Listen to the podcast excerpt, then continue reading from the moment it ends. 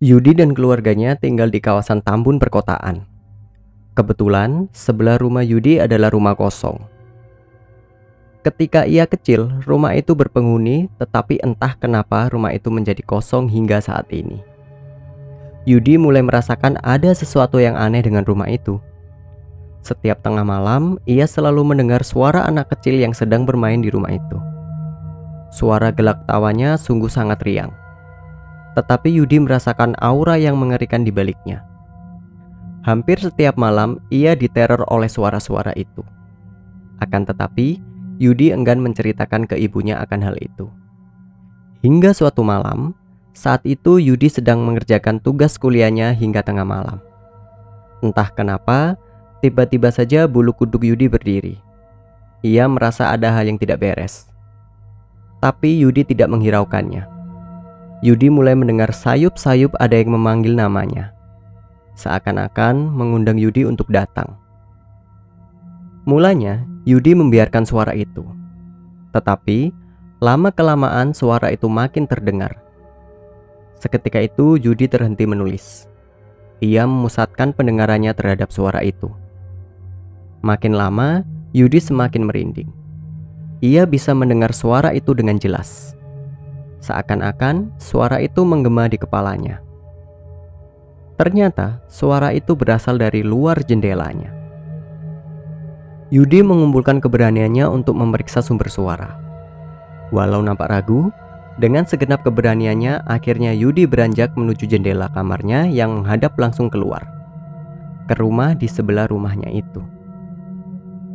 Saat Yudi membuka gorden jendelanya, betapa kagetnya Yudi saat melihat ada seorang anak kecil berlarian di halaman sebelah rumahnya yang kosong itu. Seketika, jantung Yudi seakan-akan berhenti berdetak. Anak itu berlari-larian seakan menikmati sebuah permainan. Sedangkan Yudi masih terpaku di depan jendelanya dan memperhatikan. Siapa anak itu? Dalam hati Yudi. Belum sempat terjawab pertanyaan itu, tiba-tiba saja anak itu berhenti berlari dan berdiri tepat berhadapan dengan Yudi. Tubuh Yudi bergetar hebat. Ketika Yudi dapat dengan jelas melihat wajah anak itu.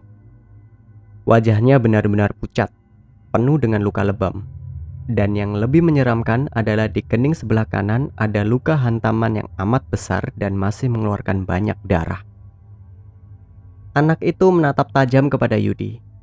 Suara memanggil itu tetap terdengar. Tetapi bibir anak itu sama sekali tidak terbuka. Secara tiba-tiba anak itu mengangkat tangannya dan menunjuk ke arah Yudi dibarengi dengan senyum yang menyeringai. Seketika itu juga Yudi langsung berlari keluar dari kamarnya. Ia tidak bisa berhenti berdoa. Akhirnya, malam itu Yudi tidur bersama kakaknya. Barulah keesokan harinya ia menceritakan tentang peristiwa itu kepada ibunya. Dan ketika itu, Ibunda Yudi bercerita bahwa dulu rumah itu dihuni oleh suami istri muda dan anak laki-laki mereka. Awalnya, semua berjalan dengan baik. Hingga beberapa bulan kemudian keluarga itu sering bertengkar. Entah apa penyebab pertengkaran mereka sampai akhirnya di suatu pagi sang istri dan anak mereka ditemukan sudah meninggal dunia akibat dihantam benda keras. Dan suaminya sendiri ditemukan gantung diri di dalam kamar. Setelah itu tidak ada lagi yang menempati rumah itu hingga sekarang. Ibunda Yudi juga mengatakan bahwa ia juga sering melihat penampakan wanita di sana. Ibunda Yudi menyuruh Yudi tidak menghiraukannya karena mereka tidak jahat. Mereka hanya tidak bisa menerima kematian mereka. Dan yang lebih mengejutkan, ternyata anak dari keluarga itu adalah teman kecil Yudi.